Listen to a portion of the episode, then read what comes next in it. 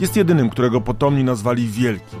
W historii Polski trudno znaleźć zresztą wybitniejszego, ale też trudno znaleźć takiego, na którym ciążą aż tak ciężkie zarzuty.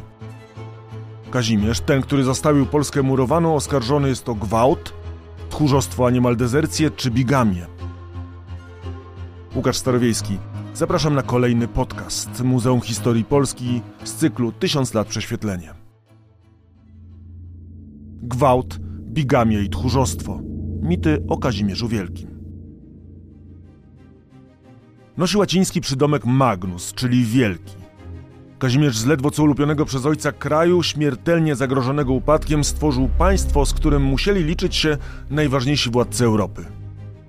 Do dziś w całej Polsce widać ślady jego panowania. Z drugiej strony, czy na pewno przydomek Wielki mu się należy, skoro bez walki oddał Pomorze Gdańskie, a za jego panowania ostatecznie spod polskich wpływów oderwał się Śląsk? Skoro nie wygrał żadnej wielkiej bitwy i nie dokonał żadnego heroicznego czynu? A do tego zostawił kraj bez sensownie wymyślonego planu na sukcesję? Dziś będzie o Kazimierzu Wielkim. Spróbujemy też prześwietlić, jak to się stało, że ten mężczyzna, który, jak pisał Jan Długosz, w ponętach światowych ugrzęzły, tych grzechów cielesnych ani boskim, ani ludzkim mieczem nie dał z siebie wytępić. A do tego miał aż cztery żony, nie dochował się dziedzica i zamknął dynastię Piastów. Część pierwsza. Wielki nie znaczy wysoki. Był wrzesień roku 1364. Kraków przeżywał dni chwały, wyjątkowe w swej historii. Do stolicy wjeżdżały jedna po drugiej wielkie, kapiące złotem świty królewskie i książęce. Właśnie, zaczynał się zjazd monarchów europejskich. Wśród gości był cesarz Karol Luksemburski, władca Węgier Ludwik Andegaweński, a nawet król Cypru.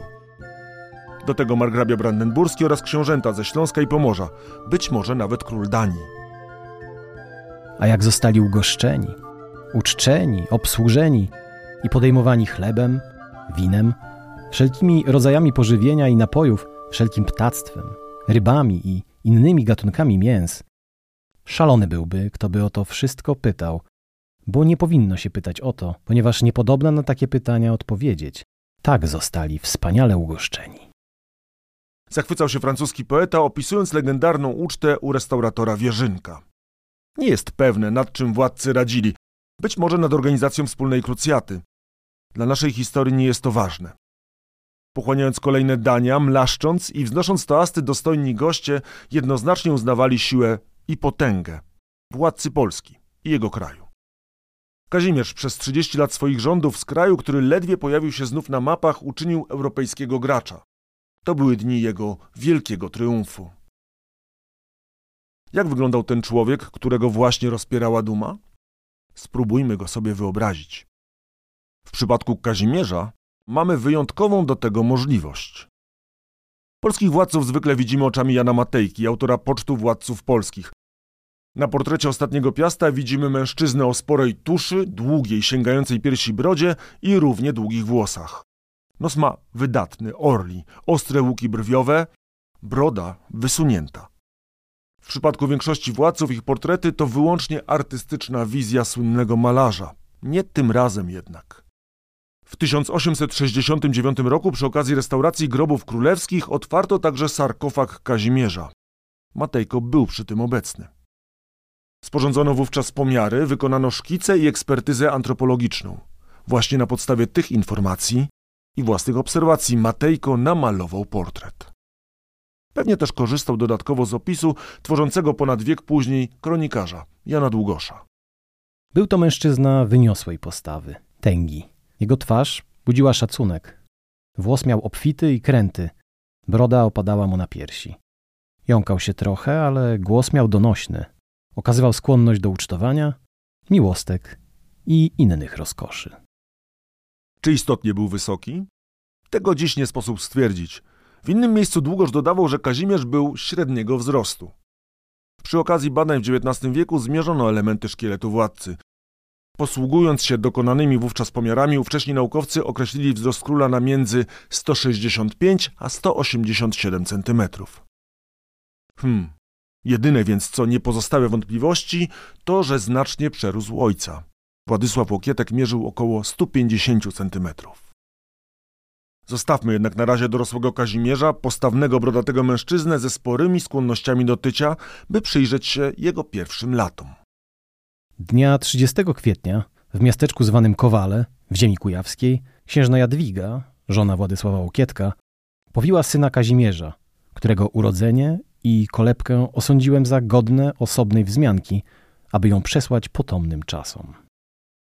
Pisał najbliższy wydarzeniom z kronikarzy Janko z Czarnkowa. Był rok 1310. Radość musiała być wielka. Rodzice byli już w zaawansowanym jak na owe czasy wieku. Jadwiga miała 44, Władysław ponad 50 lat. Małżeństwo trwało już kilkanaście lat. Kazimierz był trzecim synem pary. Pozostali dwaj jednak umarli w dzieciństwie. Z trzech sióstr dwie dożyły dorosłości. Jedna z nich, Elżbieta, w przyszłości porządnie zamiesza w kotle naszej historii. Kazimierz musiał być, zwłaszcza po śmierci braci, oczkiem w głowie rodziców, co potwierdza Długosz, pisząc, że matka kochała go więcej niż macierzyńską miłością. I tyle wiemy o dzieciństwie przyszłego króla.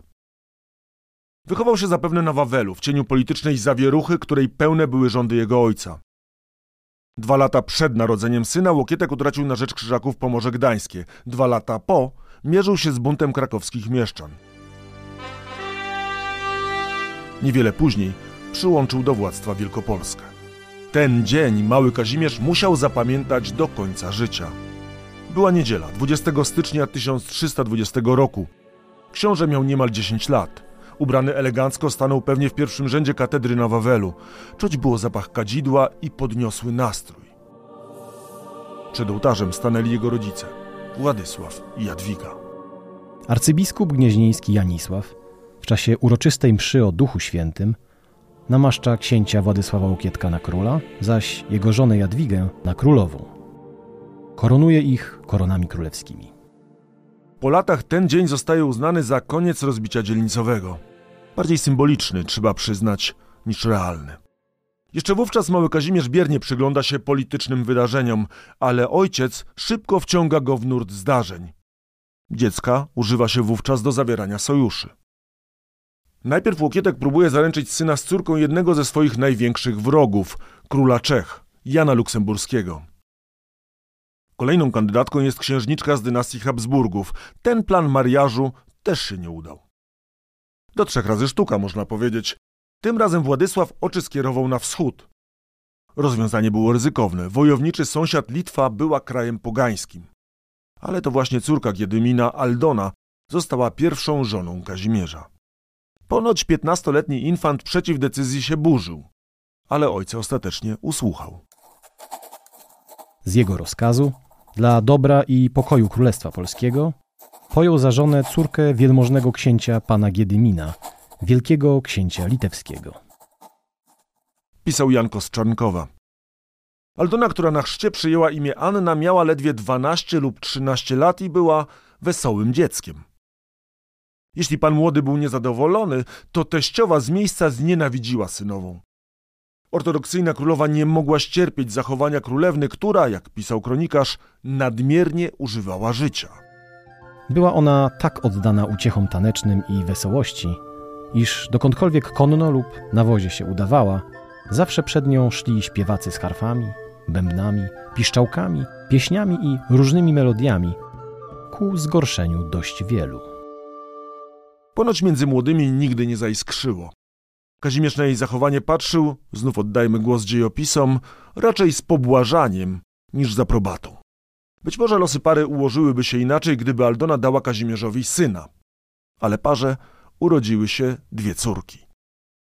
W tym czasie życie jedynego dziedzica Łokietka zawisło na włosku.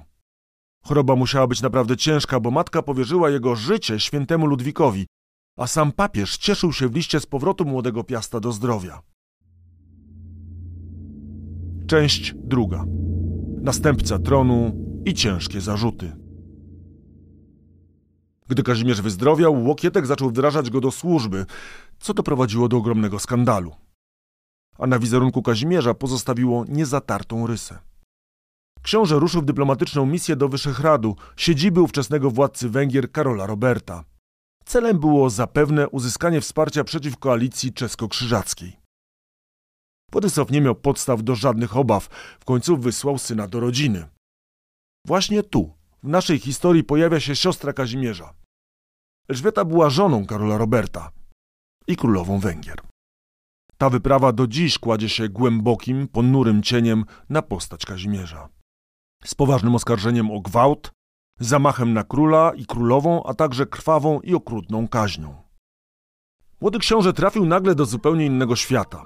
Na Wawelu nie istniał jeszcze nawet gotycki zamek, a Wyszehradzki składał się z 350 komnat. Był pełen przepychu. Do tego obowiązywały w nim wzory zaczerpnięte z dworów z bogatych zachodnich krajów. Nie było krakowskiego ascetyzmu, były powłóczyste suknie, mnogość klejnotów, byli muzykanci, śpiewacy, błazny i piękne, ponętne damy dworu. To na pozór beztroskie otoczenie było jednak tłem historii jak z thrillera. A łańcuch zdarzeń, który doprowadził do tragedii, miał sprowokować właśnie Kazimierz. Zacznijmy od końca. Od faktów niemal pewnych, bo powtarzanych przez kronikarzy w wielu krajach, między innymi we Włoszech czy w Czechach, także tych współczesnych wydarzeniom. Mniej więcej w czasach wizyty polskiego księcia na Węgrzech nastąpiła krwawa rozprawa z potężną magnacką rodziną Zachów. Życie straciła głowa rodu, Felicjan, a także jego syn, córka i zięć. Dalsi krewni pozbawieni zostali majątków i wyrzuceni z kraju. Powodem rozprawy miał być zamach na króla i królową. Felicjan wraz z synem i kilkoma pachołkami wpadł do komnaty królewskiej w czasie obiadu. I z największą gwałtownością, jaką nadzieja tak wielka lub ostateczna rozpacz sprawiać może, wymierzył sztylet na króla i królową. Karol w rękę otrzymał krwawą, jednakże nie bardzo szkodliwą ranę. Elżbieta zaś, królowa, u ręki prawej cztery utraciła palce. Potem jakby zwierz wściekły, rzucił się morderca na dwóch braci królewiczów. Opisuje Długosz. Napastników udało się jednak obezwładnić. Co wspólnego miał z tym Kazimierz? Najszerzej mówi o tym właśnie Długosz, piszący, przypomnijmy, niemal półtora wieku później, choć sam nie jest chyba pewny swojej wersji, bo powieść zaczyna od słów twierdzą niektórzy. Ponoć bawiącemu na dworze Kazimierzowi spodobała się dwórka Elżbiety Klara, córka wspomnianego Felicjana. Musiała być nieczuła na umizgi księcia, bo potrzebny okazał się podstęp, w którym uczestniczyła też królowa Elżbieta. Kazimierz, pragnący swojej chuci dogodzić, udał chorego i położył się w łóżku, po czym królowa węgierska Elżbieta, przybywszy do niego niby w odwiedziny, powyprawiała z pokoju usługujących choremu domowników, pod pozorem jakoby coś tajemnego z nim mówić miała a sama tylko pozostała z rzeczoną Klarą, która z nią razem przybyła. Potem, wymówiwszy jakieś słowa pozorne, wyszła, a dziewicę Klarę u książęcia Kazimierza zostawiła na zgwałcenie. Sprawa być może przeszłaby bez echa, gdyby nie sama poszkodowana. Dziewica bowiem Klara, od książęcia Kazimierza zgwałcona i do syta użyta, zwierzyła się ojcu Felicjanowi swojej przygody, prosząc go i zaklinając, aby się pomścił jej krzywdy. Długoż twierdzi, że Kazimierz wyczuł pismo nosem i uszedł do Polski. Więc zemsta dosięgnąć go nie mogła. Felicjan postanowił wymierzyć sprawiedliwość węgierskiej rodzinie królewskiej.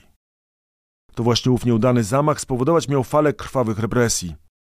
Okrutna kara nie ominęła według Długosza nawet nieszczęsnej Klary, której obcięto nos, wargi i palce u rąk i tak okaleczoną wożono w klatce po kraju. Ślad po zamachu do końca życia nosiła też Elżbieta, którą zwano ponoć odtąd królową kikutową, czyli bez ręki. Warto przy tym dodać, że współczesne wydarzeniom źródła, nawet te niechętne Węgrom czy Polsce, opisując krwawą kaźń, milczą o przestępstwie Kazimierza. Postać księcia pojawia się dopiero w późniejszych opisach, być może więc sklejają w jedną dwie różne historie? Nie rozstrzygając o winie Kazimierza, przy określeniu gwałciciel – musimy postawić słowo domniemany. Tym bardziej, że zemsta na rodzinie Zachów bardziej przypomina rozgrywkę rodową niż rzeczywistą karę za zamach. Bezsprzecznym faktem jest natomiast, że Kazimierz bezpiecznie wraca do kraju. A my wraz z nim możemy zmierzyć się z kolejną przyszywaną mułatką. Tchórza. Władysław Łokietek od dziewięciu lat nosił koronę, a jego kraj składał się właściwie tylko z Małopolski, ziemi sandomierskiej i sporej części Wielkopolski oraz Kujaw. Wojna z Brandenburgią pozwoliła zneutralizować na czas jakiś jednego groźnego sąsiada. Małżeństwo Kazimierza z córką Giedymina uspokoiło krewkiego sąsiada ze wschodu. Nadal jednak młode państwo Władysława miało dwóch śmiertelnych wrogów. Krzyżacy wcale nie zamierzali zadowolić się zagarniętym Pomorzem Gdańskim. Król Czech, który jako następca Wacławów tytułował się królem Polski, marzył, by koronę założyć faktycznie. I nie tylko marzył. Już w 1327 roku ruszył na Kraków. Wówczas Łokietka uratowała zbrojna interwencja węgierskiego zięcia. Nawet osobno obaj wrogowie byli dla Polski Władysława niezwykle groźni. Ich pakt byłby dla młodego państwa niebezpieczeństwem śmiertelnym. I właśnie taki pakt został zawarty. W 1328 roku Luksemburczyk ruszył z krzyżakami na Litwę, a wracając wsparł zakon w zdobyciu ziemi chełmińskiej. Dodatkowo wymógł na księciu płockim przysięgę lenną, a także schołdował część śląskich książąt. Na szczęście dla Łokietka to była ich ostatnia wspólna inicjatywa. Na kolejne Luksemburczyk się spóźniał. Zatrzymywały go albo zagrożenie ze strony Węgier, bądź też sprawy na Śląsku. Krzyżacy jednak nie rezygnowali. Co roku rządzali niszczące najazdy to na Kujawy, to na Wielkopolskę. Być może dlatego Łokietek postanowił swego 21-letniego syna wysłać na pierwszą samodzielną placówkę. Kazimierz otrzymał namiestnictwo Wielkopolski i Kujaw. Według źródeł miał zająć się przede wszystkim odbudową warowni. Przy tej okazji wielu historyków pisze, że książę wdrażał się do zarządzania państwem. Hipoteza tyleż pociągająca, co niesprawdzalna. O jego działaniach nie wiemy praktycznie nic. Wiemy, że nie miał łatwo, bo poprzedni namiestnik, urażony zdjęciem z urzędu, przeszedł na stronę krzyżaków, a nawet wziął udział w ich wyprawie. Jeśli chodzi o Kazimierza, to posiadamy tylko jedną informację na temat tego, co mu się udało. Udało mu się w porę uciec. Książę Kazimierz, ostrzeżony nieco wcześniej o grożącym mu niebezpieczeństwie, opuściwszy z wiernymi rycerzami Pyzdry, udał się w leśne ustronia jako bezpieczniejsze. Pisze Długosz. Dodając, że zakon zdobył Pyzdry, które do obrony były nieprzygotowane. Czyż nie z winy Kazimierza? Nie jest to jednak najsławniejsza ucieczka Kazimierza. Pytanie tylko, czy ta druga, z pola bitwy, zdarzyła się naprawdę? W 1331 roku Łokietek był za słaby, by stanąć oko w oko z armią zakonu. Podążał jednak za nią, czyniąc im, jak napisał kronikarz, uszczerbki. A pod Płowcami zaatakował tylną straż złożoną zapewne z jednej trzeciej całej krzyżackiej armii. Bitwa przeszła do legendy choć może nie do końca zasłużenie. Nie tu jednak miejsce, by o niej szczegółowo opowiadać. Pochylmy się tylko nad jednym detalem bitwy pod Płowcami. Posłuchajmy najpierw niemieckiej, późniejszej kroniki. Syn królewski pierwszy rozpoczął ucieczkę i jednym ciągłym marszem podążył aż do Krakowa. Miał przy tym rozgłaszać, że Polacy zostali pokonani. A więc jednak tchórz? Najpierw ukrywający się w lasach, a później opuszczający w popłochu pole walki? Niekoniecznie. Rocznik Trzaski, napisany współcześnie wydarzeniom, nadmienia o ucieczce części polskiego rycerstwa, o Kazimierzu nie wspominając. Długoż, próbując porządkować informacje z pola bitwy, ma inną hipotezę. Jego zdaniem księcia w ogóle tam nie było. Synowi jednak, Kazimierzowi, każe ustąpić już prawie z szeregu do silniej obwarowanego zamku, by w odpowiednim czasie, gdyby przypadkiem wrogowie odnieśli zwycięstwo, Kazimierz ratował królestwo i ojczyznę. Znów więc, podobnie jak z historią gwałtu, pewności mieć nie możemy. Być może uciekł, może wycofał się, a może, jak chcą niektórzy, w ogóle go tam nie było? Dla tamtych wydarzeń 21-letni książę nie był zbyt istotny. Już niedługo miało się to zmienić. Czas jego panowania zbliżał się wielkimi krokami choć wcale na to nie wyglądało. Część trzecia. Objęcie władzy, czyli wątpliwości na łożu śmierci. Łokietek miał 70 lat i w owych czasach mógł chodzić za starca. Ale niezwykle czerstwy musiał być z niego staruszek, skoro nie tylko dowodził w bitwie pod Płowcami, lecz miał nawet w niej uczestniczyć. I nie spoczął na tym. Rok później poprowadził kolejną wyprawę. Śląskim książętom odebrał kolejne posiadane przez nich fragmenty Wielkopolski. Zdrowie króla załamuje się nagle. Być może to wylew. Łokietek cierpi na częściowy paraliż ciała i ma kłopoty z mówieniem. W marcu 1333 roku leży na łożu śmierci. Jeśli wierzyć Długoszowi, zdobywa się na ostatni wysiłek. Chociaż król osłabiony ciężką chorobą z trudem wiązał myśli, chrapliwym głosem, jak mógł, przemówił do prałatów, panów i całego ludu. Błagam i zaklinam was, abyście tego mego syna Kazimierza wybrali na moje miejsce, na moją stolicę królewską. Przepowiadam to, jeśli mnie miłość nie myli, dzielnie się spisze. Łokietek władzy synowi nie oddaje bezwarunkowo. Stawia żądania, a nawet według Długosza grozi. Chce, by Kazimierz odebrał ziemię zajęte przez krzyżaków. Niech cię żaden układ, żadna konieczność nie skłoni, abyś z niej ustąpił, bo albo zdobędziesz wieczną sławę, jeśli spełnisz moje rozkazy, albo narazisz się na wieczną sromotę, jeżeli je zlekceważysz. Na koniec zamienia też kilka słów z samym Kazimierzem. To musiała być poruszająca scena. W łożu leży drobny staruszek, dodatkowo skurczony wiekiem i chorobą. Obok na brzegu łóżka przysiada się pełen życia przysadzisty młodzieniec. Nachyla się i słucha. Słowa nie przetrwały do naszych czasów. Snop światła może rzucić przekaz innej kroniki. Łokietek do swych najbliższych doradców zwraca się z prośbą, by służyli synowi z przezornością i wiernością. Swą przemowę kończy zaś tajemniczo. Lecz tego, o co dla niego proszę, nie znając jego przyszłego zachowania się, sam z wami tym razem omawiać nie będę. Jeśli słowa są prawdziwe, musiało być coś niepokojącego w charakterze lub czynach Kazimierza. Co takiego? Nie wiadomo. Może któryś z zarzutów był prawdziwy. Łokietek umiera 2 marca 1333 roku. Kazimierz ma lat 23.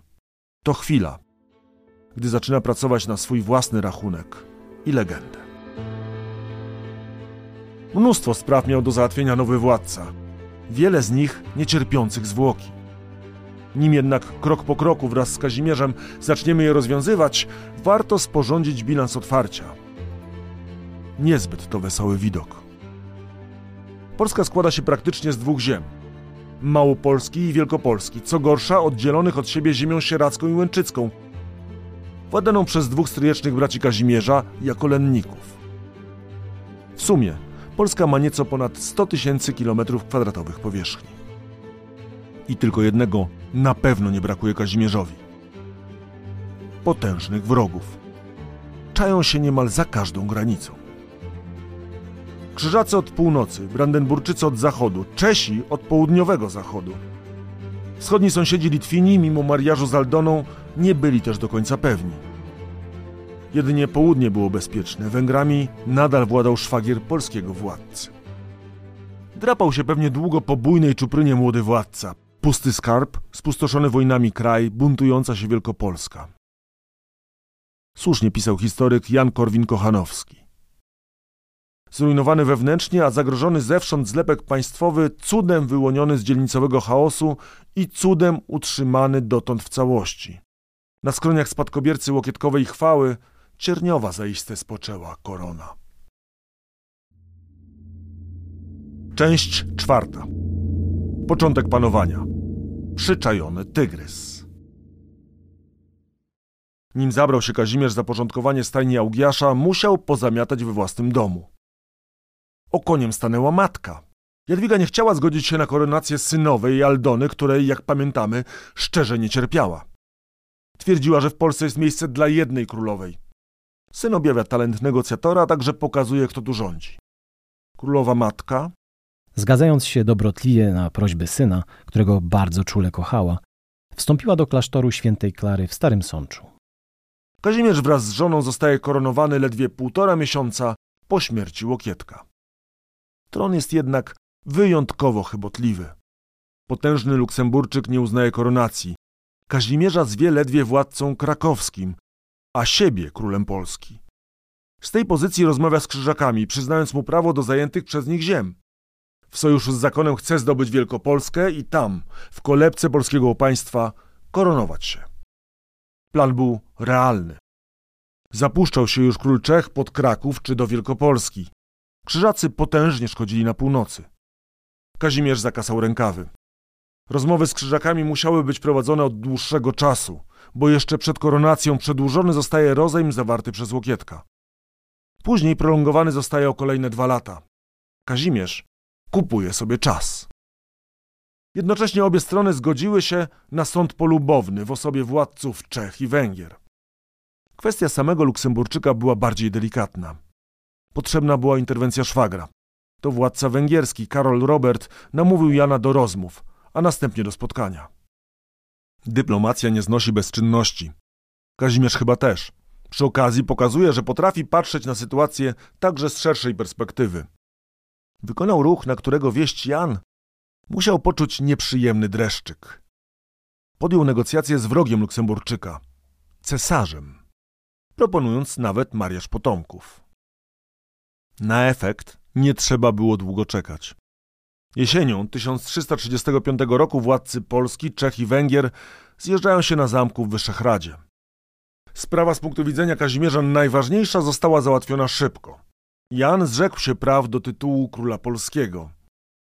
Kazimierza sukces kosztował słono. Zapłacił za to 20 tysięcy kopczeskich groszy, czyli ponad 4 tony srebra.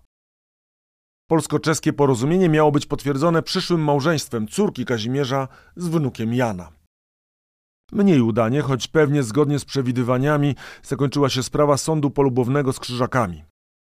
Władcy Czech i Węgier potwierdzili prawa zakonu do Pomorza Gdańskiego i ziemi chełmińskiej. Do Polski miały wrócić Kujawy i ziemia dobrzyńska. Choć pewnie, nie w pełni zadowoleni, Jan i Kazimierz wyjechali z Wyszehradu ramię w ramię. Polski król nawet odwiedził po drodze Pragę. Zjazdy monarchów i rozprawy sądowe, a nie pola bitewne. To niezwykle charakterystyczne dla panowania Kazimierza. Kolejny zjazd w Wyszehradzie odbył się już trzy lub cztery lata później. Kazimierz postanowił jednak wrócić do sprawy Pomorza Gdańskiego. Potrzebował jednak zgody Jana na postawienie krzyżaków przed sądem papieskim. I tym razem zgodę uzyskał, choć znów oczywiście nie za darmo. Kazimierz też musiał ustąpić. Uznał lenną zwierzchność Jana nad księstwami śląskimi, a także nad Płockiem. Dużo poświęcał Kazimierz, by rozpocząć obiecaną ojcu walkę o Gdańsk. W gościnie u króla Węgier załatwiono też inne sprawy, które mogły się wydawać w owym czasie drugoplanowe, ale zaważyły na historii Polski. Kazimierz otrzymał prawo do przejęcia Rusi Halickiej po bezpotomnej śmierci ówczesnego władcy, a swojego kuzyna. Węgrzy nie zrzekli się roszczeń do Rusi bezinteresownie. Być może to wówczas Kazimierz zgodził się, by w przypadku, gdy nie zostawi męskiego potomka, jego następcą został syn węgierskiego Andegawena. Oba okłady w owej chwili należały do kategorii fantastyki. Kazimierz miał ledwie 40 lat, a ruski książę o 10 lat mniej. Polskiemu władcy pełnemu temperamentu, ojcu dzieci z prawego i nieprawego łoża, nawet pewnie przez myśl nie przeszło, że umowa z Węgrami zostanie wypełniona. Podobnie jak to, że już niebawem będzie toczył walki o Ruś. Na razie myśli jednak o Pomorzu i Krzyżakach. Potrzebuje dobrego powodu, by rozpocząć z nimi wojnę. Idzie więc do sądu. Przy okazji którego pierwszy raz na szersze historyczne wody wypływa miasto nad Wisłą Warszawa. To tam ma odbyć się sąd. Zarówno dla Polski, jak i dla Krzyżaków to była zagranica. Łada nim książę mazowiecki Trojden. Stosownie do obyczaju krajowego, dostęp do tego miejsca jest otwarty i bezpieczny, ponieważ jest obwiedzione murem i zaopatrzone w towar sprzedażny. Ma domy i zajazdy dość przyzwoite i bezpieczne. Krzyżacy dobrze wiedzieli, co się święci, więc już w Wyszehradzie zapowiedzieli, że noga ich w Warszawie nie postanie. Proces odbył się zaocznie. Król wytoczył najcięższe działa. Pisał do papieża, że zakon dokonał zaboru. Nie bez wielkiej rzezi chrześcijan i spalenia nawet stu kościołów. W sumie przed legatami papieskimi przesłuchano ponad 100 świadków, a sąd przyznał rację Polsce. Krzyżacy mieli zwrócić wszystkie ziemie, a także zapłacić bajońskie odszkodowanie ponad 38 ton srebra. Zakon oczywiście apelował. A kolejny papież zalecił doprowadzenie do pokoju na warunkach z pierwszego zjazdu w Wyszehradzieje. Kazimierz podjął wówczas być może najtrudniejszą decyzję w swoim życiu. Zrzeka się Pomorza Gdańskiego. Usposobieniem bowiem całkowicie różny od ojca, wzdragał się przed tym, co należało przeprowadzić zbrojnie i przy użyciu oręża. Wolał załatwić sprawę ugodową nawet z krzywdą. Zawiera niesprawiedliwy pokój, a wieczysty pokój zatwierdzono uroczystą przysięgą.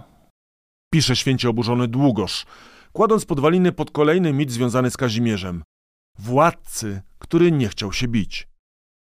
Czy odstąpienie bez walki praw do Pomorza to był błąd? I czy można było rozegrać to inaczej? O tym dr Tomasz Borowski z Muzeum Historii Polski.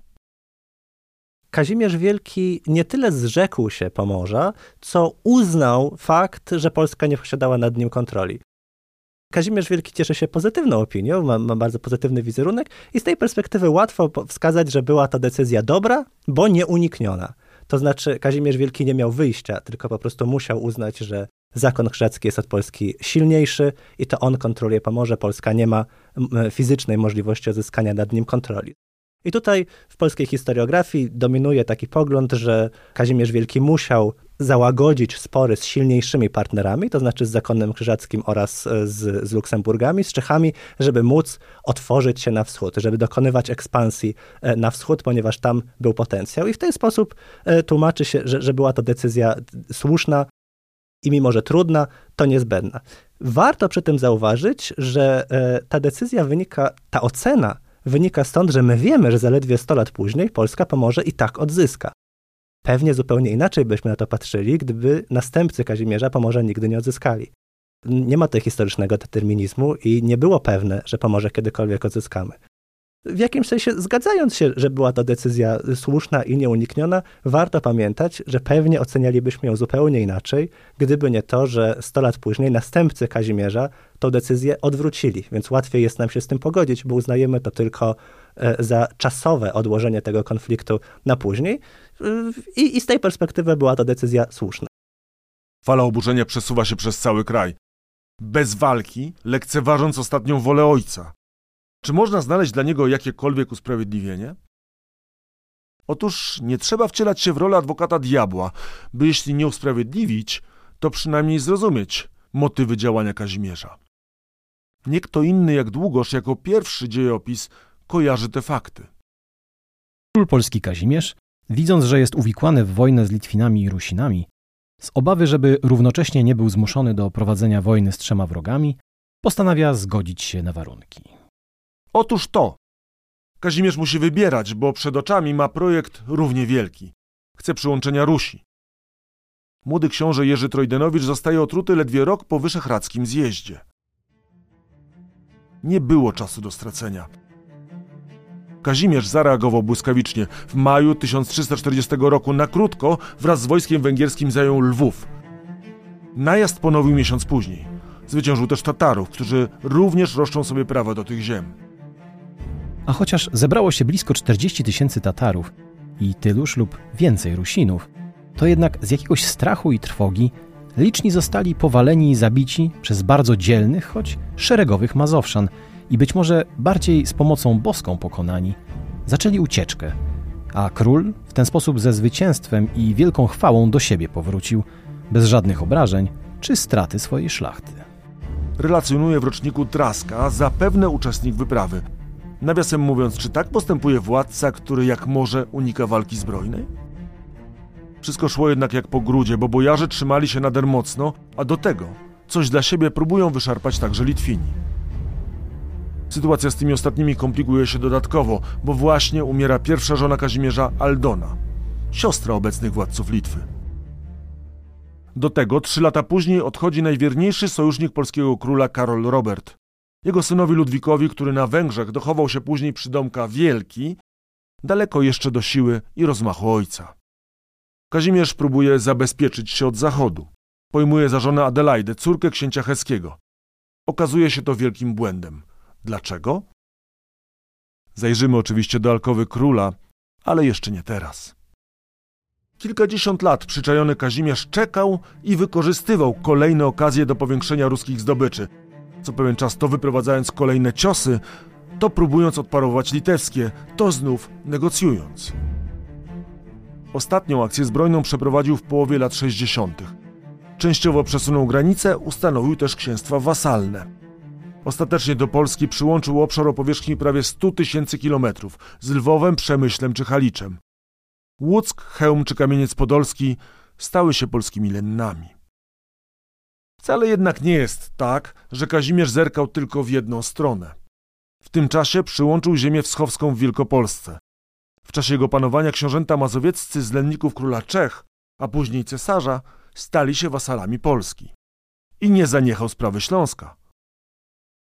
Jak zwykle, czekał na okazję. Tu sprawy były niezwykle skomplikowane. Tylko pojedyncze księstwa nie były jeszcze lennami Czech. Kazimierz lawirował, by zlikwidować czeskie roszczenia do Mazowsza, zrzekł się oficjalnie swoich do Śląska. Z drugiej strony kilka razy wyprawiał się zbrojnie do tej dzielnicy, ryzykując konflikt z Luksemburczykami. Przeciągnął strunę raz. W 1344 roku król czeski ruszył wówczas na Małopolskę i nawet bezskutecznie oblegał Kraków. Szybko jednak, pod presją wojsk polskich i węgierskich, musiał zawrócić. Kazimierz w swoim zwyczaju przyczaił się. A gdy nadarzyła się okazja, wrócił do sprawy.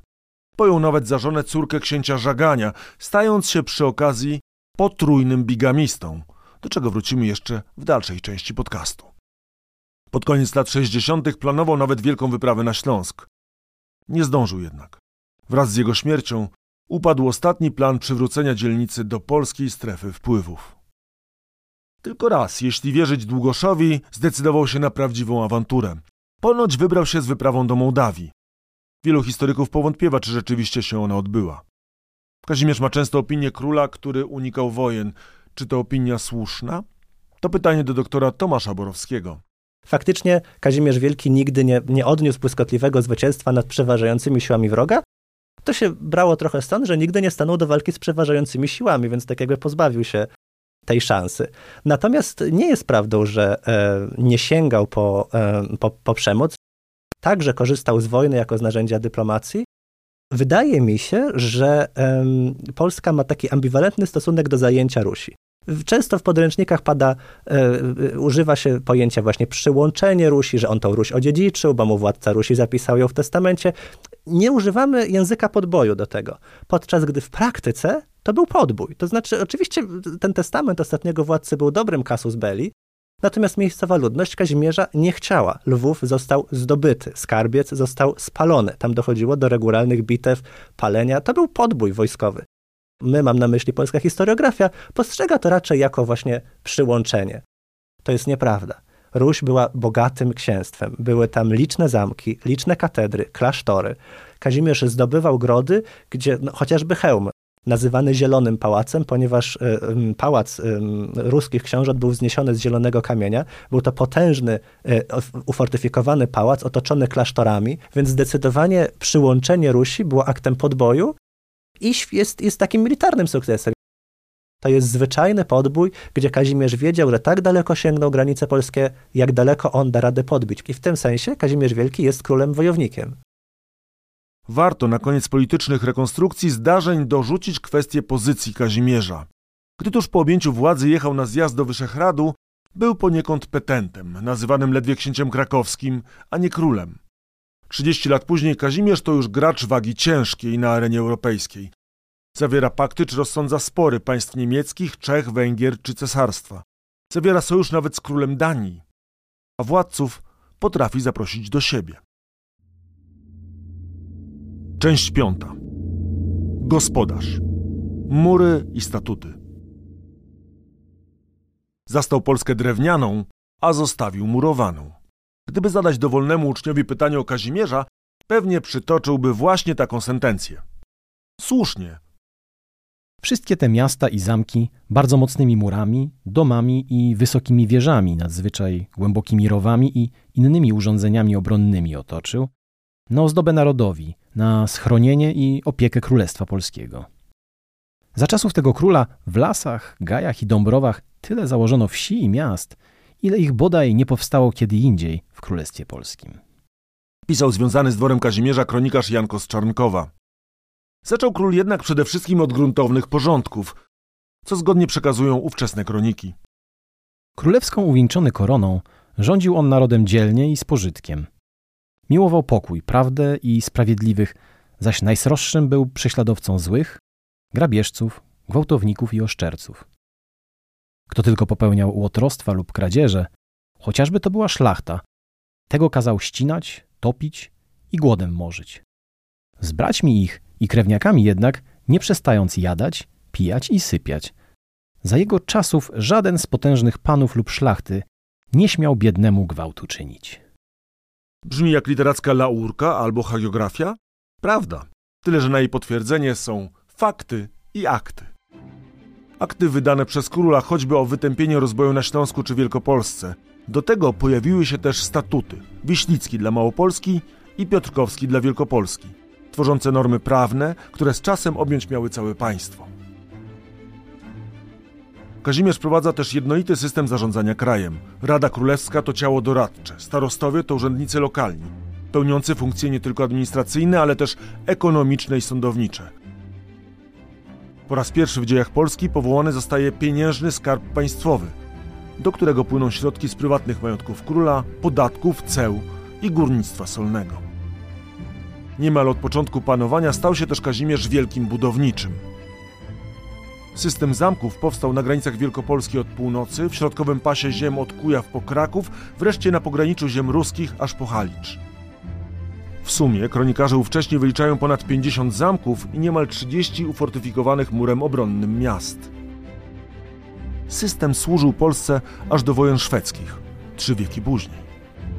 Jak grzyby po deszczu wyrastają też nowe miasta. Wylicza się, że za Kazimierza powstało ich ponad 100. Do tego budowane są nowe trakty handlowe, jak kanał między Bochnią i Krakowem, a także zlecane prace nad lepszym przystosowaniem Wisły i Nidy do żeglugi. Podbicie Rusi to także kwestia handlu. Tamtędy biegną ważne szlaki z nadmorza Czarnego na zachód Europy. Rodzimi kupcy momentalnie się bogacą. Próbuje też król zwiększyć potencjał intelektualny odnowionego państwa. Zakłada Akademię Krakowską. Na jej rozkwit trzeba będzie jeszcze poczekać.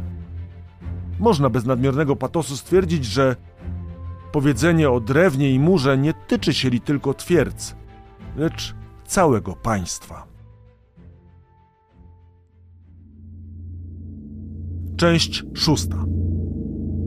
Królewskie życie erotyczne.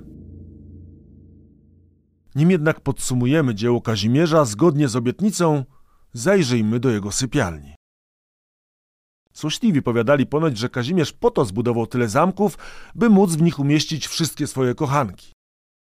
Choć nie zachowała się lista miłosnych podbojów króla, wydaje się, że nie docenili dokonań Kazimierza na tym polu. Pisał choćby długoż. Jawnie i pokątnie żył z nałożnicami, których tłumy, jak jakieś siedlisko sromoty, porozmieszczał w Opocznie, Czchowie, Krzeszowie i wielu innych miejscowościach.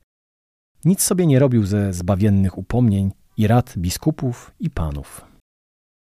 O tym, jak przymuszony z politycznych powodów wstąpił w związek małżeński z Aldoną, mowa już była. Roztańczona księżniczka serca Kazimierza nie zdobyła, ale wygląda na to, że zachował się wobec niej przyzwoicie. Wbrew matce doprowadził do jej koronacji, miał z nią też dwójkę dzieci. Historia potoczyłaby się pewnie inaczej, gdyby choć jedno z nich było synem. Aldona zmarła w wieku 29 lat, w niewyjaśnionych okolicznościach. Nie wiadomo, czy i na ile jej śmierć wstrząsnęła Kazimierzem. Jeśli nawet, to z szoku otrząsnął się szybko. Oto otwierały się nowe polityczne możliwości. I to jakie? Uderzył w konkury do swojego zaciętego wroga, potężnego Jana Luksemburczyka, który akurat miał córkę na wydaniu.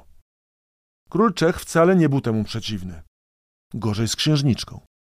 Małgorzata jak na owe czasy nie była młoda, miała 28 lat, do tego była wdową. Za to ponoć była piękna, a jej uroda oczarowała Kazimierza. Tyle, że wzajemności nie znalazł. Według kronikarzy Małgorzata brzydziła się wyjść za mężczyznę, który wcześniej współżył z poganką. Do ślubu nie doszło. Księżniczka zachorowała ciężko i trzy dni przed planowaną ceremonią zmarła.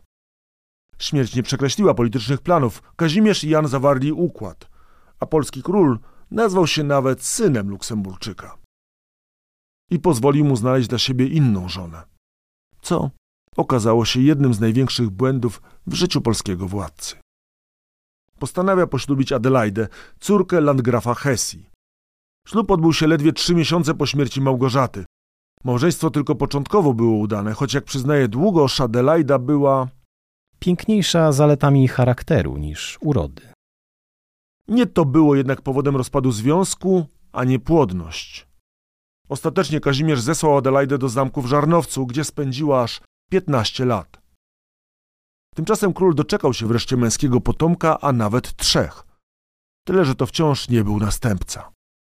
Niemierza, Pełka i Jan pochodzili z nieformalnych związków. Być może urodziła ich szlachcianka Cutka, a może, jak sugeruje Długosz, Żydówka Esterka. Choć w jej istnienie nie wszyscy badacze wierzą. Sprawa porzucenia żony i rozpustnego życia stała się głośna w całej Europie. Osobiście próbował wpłynąć na Kazimierza jego teść, władca Hesji, ale odjechał z niczym. Nawet papież wysłał list, w którym nakazał Kazimierzowi, aby Oddaliwszy od siebie wszystkie niewolnice, łoża małżeńskiego wszeteczeństwem nie kaził. Wszystko na próżno. Kazimierz nie zamierzał wstępować na drogę cnoty. Przeciwnie, wybrał zupełnie inną ścieżkę. W czasie pobytu w Pradze poznał piękną Czeszkę Rokiczanę, która tak mu zawróciła w głowie, że potajemnie ją poślubił. Bigamista. Tego zarzutu nie da się oddalić, tym bardziej, że władca wcale na tym nie poprzestał. Czeską mieszczkę porzucił w dramatycznych okolicznościach, gdy Przez doniesienie komornika i po dopuszczeniu świadectwa własnych oczu, gdy nie ufał relacji, przekonawszy się, że na głowie miała łysinę i parchy, z nią się rozwiódł. O ile co do rozstania nie ma wątpliwości, te pozostają, jeśli chodzi o rozwód. Uparła się też Adelaida. Co prawda wróciła do Hesji, ale unieważnić ślubu z królem nie chciała. Co na to Kazimierz? Wygląda na to, że w ogóle się nie przejął. Wręcz przeciwnie, wziął sobie kolejną żonę. Tym razem była to księżniczka śląska Jadwiga. Ależ to musiał być skandal. Kazimierz zapewne był już krańcowo zdesperowany, miał 55 lat, ale nie miał dotąd męskiego potomka. Jadwiga miała lat 15. Para mocno zaangażowała się w projekt przedłużenia dynastii. W pięć lat urodziła się jej trójka dzieci. Statystycznie powinien pojawić się syn. Nic z tego. Znów na świat przyszły same córki. W historii Polski Kazimierz ma opinię jednego z największych erotomanów. Ale czy to zachowanie odbiegało od innych europejskich władców? Posłuchajmy znów doktora Tomasza Borowskiego. Zdrada na dworach średniowiecznej Europy nie była czymś rzadkim. To się zdarzało stosunkowo często. Zarówno król, królowie, jak i królowe, e, książęta czy szlachta swoich małżonków zdradzali dosyć regularnie i przyczyny były oczywiste. Te małżeństwa były zawierane często z powodów czysto politycznych pomiędzy osobami, które wcześniej się nie widziały, nic do siebie nie czuły, czy nawet nie czuły do siebie pożądania. I w związku z tym fakt, że Kazimierz Wielki zdradzał swoje żony, samo w sobie nie było niczym wyjątkowym i pewnie nie oburzyłoby tak bardzo opinii publicznej. Natomiast zdaje się, że ekscesy, do których dopuszczał się Kazimierz Wielki, wykraczały poza te akceptowalne normy. Zarzuca mu się gwałt, do tego także był bigamistą. To były rzeczy, które zdarzały się w średniowiecznej Europie, ale były to przypadki rzadkie i jednak jakoś tam oburzały e, e, opinię, opinię publiczną. Wokół życia erotycznego Kazimierza Wielkiego narosło wiele legend, jak, jak słynna historia, że miał romans z piękną Żydówką. E, Nie ma na to żadnych dowodów, ale znając Kazimierza Wielkiego, ludziom się to wydawało wiarygodne, no bo wiadomo było, że, że, że mógł mieć romans właściwie z każdym i nikt by nie był specjalnie zaskoczony. Więc, więc tutaj podsumowując, wyróżniał się na tle Europy i wyróżniał się negatywnie. Jest to też y, taki obszar, y, na którym poniósł największą porażkę, ponieważ nie tylko miał z tego powodu polityczne e, problemy w relacji z papiestwem czy relacji z, z Królestwem Węgier, ale także nie udało mu się spłodzić męskiego potomka. Miał Kazimierz niecałe 60 lat.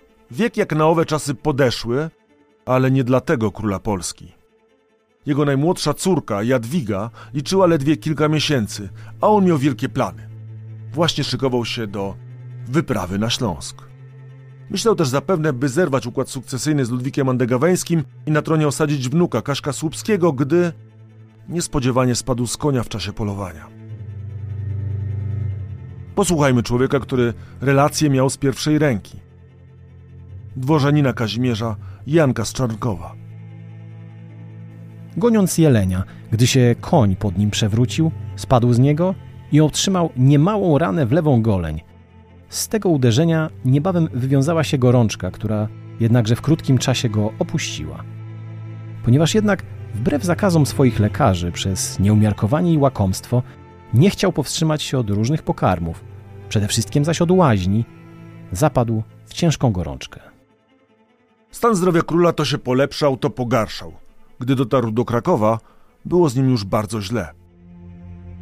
Kazał pytać przeze mnie lekarzy stojących przed jego łożem, czy już jest w Krakowie. W kolejnych dniach napisał testament. Umarł 5 lipca 1370 roku. Uroczysty pogrzeb odbył się kilka dni później. Jaki był jęk, jaki płacz, jakie głośne narzekania panów i szlachty, prałatów, kanoników, mężów kościelnych i ludu podczas złożenia zwłok jego. Tego język ludzki niełatwo wypowiedzieć zdoła. Chyba nie przesadzał kronikarz. Niewielu było pewnie w ówczesnej Polsce ludzi, którym przez lata jego panowania się nie polepszyło. Skończyły się wyniszczające wojny między piastowskimi książętami, traktujące teren za miedzą jako wrogie terytorium. Ustały jeszcze bardziej niszczące najazdy państw sąsiednich. Ukrócone zostały zbójeckie bandy, unormowano prawa. Do Polski popłynął szeroki strumień towarów ze wschodnich szlaków. Musiało się polepszyć także zwykłemu człowiekowi. Trudno byłoby sporządzić negatywny bilans jego rządów. A czy był tak pozytywny, by władca zasłużył na miano wielki? To pytanie do historyka Tomasza Borowskiego. Kazimierz Wielki cieszył się pozytywną opinią swoich poddanych, czy raczej polskiej e, opinii, po, po, polskich kręgów opiniotwórczych, polskich elit już za życia. Pisarze, kronikarze pracujący na dworze króla opisywali go pozytywnie, co samo w sobie nie jest zaskakujące, ale także w latach następnych, pod panowaniem jego następców, także jego czasy wspominano jako czasy e, prosperity, dobrostanu, stabilności. Niemniej jednak e, nie od razu zaczęto mm, nazywać go wielkim. Ten przydomek było na ten temat badanie, zdaje się po raz pierwszy został użyty względem Kazimierza pod sam koniec XV wieku, pod rządami Jana Olbrachta, natomiast w XVI wieku był już mocno ugruntowany, y, większość kronikarzy już go tak nazywała, także Stany pruskie wspominają czasy Kazimierza jako Kazimierza Wielkiego Króla, Grosse. Warto przy tym zauważyć, że cechy dla których Kazimierz był określany przymiotnikiem wielki w XVI wieku, to są inne niż teraz. To znaczy w XVI wieku zdaje się najbardziej ceniono w nim takie sprawiedliwe rządy i, yy, i kontrowanie monopolu magnaterii. To znaczy on opierał się o szlachtę średnią i o mieszczaństwo. W XVI wieku w Polsce był, trwał bardzo istotny spór pomiędzy y, szlachtą średnią a magnaterią i wtedy ta szlachta średnia sięgnęła do pamięci o królu Kazimierzu jako takim złotym okresie, gdzie właśnie król razem z klasą średnią był w stanie zapewnić prosperity. Natomiast w dzisiejszych czasach to ten aspekt oczywiście jest istotny, ale chyba mniej istotny niż podbój Rusi, otwarcie na wschód, czyli ta mądrość, bo my z perspektywy lat wiemy, że, że Polska osiągnęła wielkość dzięki swoim sukcesom na wschodzie, więc ten pierwszy władca, który miał mądrość, aby odłożyć spór z Zachodem na później i otworzyć Polskę e, na wschód, otworzyć na Ruś, to jest, wydaje się być istotniejsze. Jako Kazimierz taki geopolityczny wizjoner. Natomiast spójnie od 500 lat jest nazywany wielkim, więc pewnie zasłużenie. Patrząc na jego panowanie, niezwykła jest precyzja działań. Wszędzie widać przemyślany plan. Tak jest z tymi przedsięwzięciami, które ukończył, jak włączenie Rusi czy schołdowanie Mazowsza i tymi, których wcielić w życie mu się nie udało, dotyczącymi Pomorza Gdańskiego czy Śląska. A może jeszcze ważniejszą cechą była umiejętność wycofania się z projektu, gdy okazywał się zbyt trudny do wykonania? Może dlatego próżno w jego życiu i panowaniu doszukiwać się porażek, no, wyjąwszy starania o syna. Polska, którą zostawił, była zupełnie innym krajem niż w dniu śmierci Łokietka. Dwa razy większym, murowanym zamkami, zamożnym wewnętrznie i bezpiecznym. Z średniowiecznych kronik rzadko przebija się prawdziwa postać i charakter. W przypadku Kazimierza jest inaczej. Pojawia się mężczyzna pewny siebie, energiczny i aktywny, czasem porywczy. Uwielbiający jeść, polować czy uczestniczyć w wielkich zjazdach. Z ogromnymi potrzebami seksualnymi. Bez wątpienia z kronik wyłania się człowiek z nieposkromionym apetytem na życie. I to koniec historii wielkiego człowieka i wielkiego króla. Dziękuję, że towarzyszyliście mi w tej podróży. Zapraszam na następne. Łukasz Starowiejski. Podobał Ci się ten podcast? Posłuchaj opowieści o ojcu Kazimierza. Wielki mały człowiek. Władysław Łokietek. Tysiąc lat. Prześwietlenie. Podcast Muzeum Historii Polski o najważniejszych wydarzeniach w historii Polski. Podcastów Tysiąc lat prześwietlenie wysłuchasz na YouTube, Spotify, Google Podcast, Audiotece, a także na innych platformach podcastowych. Chcesz być na bieżąco? Subskrybuj kanał Muzeum Historii Polski.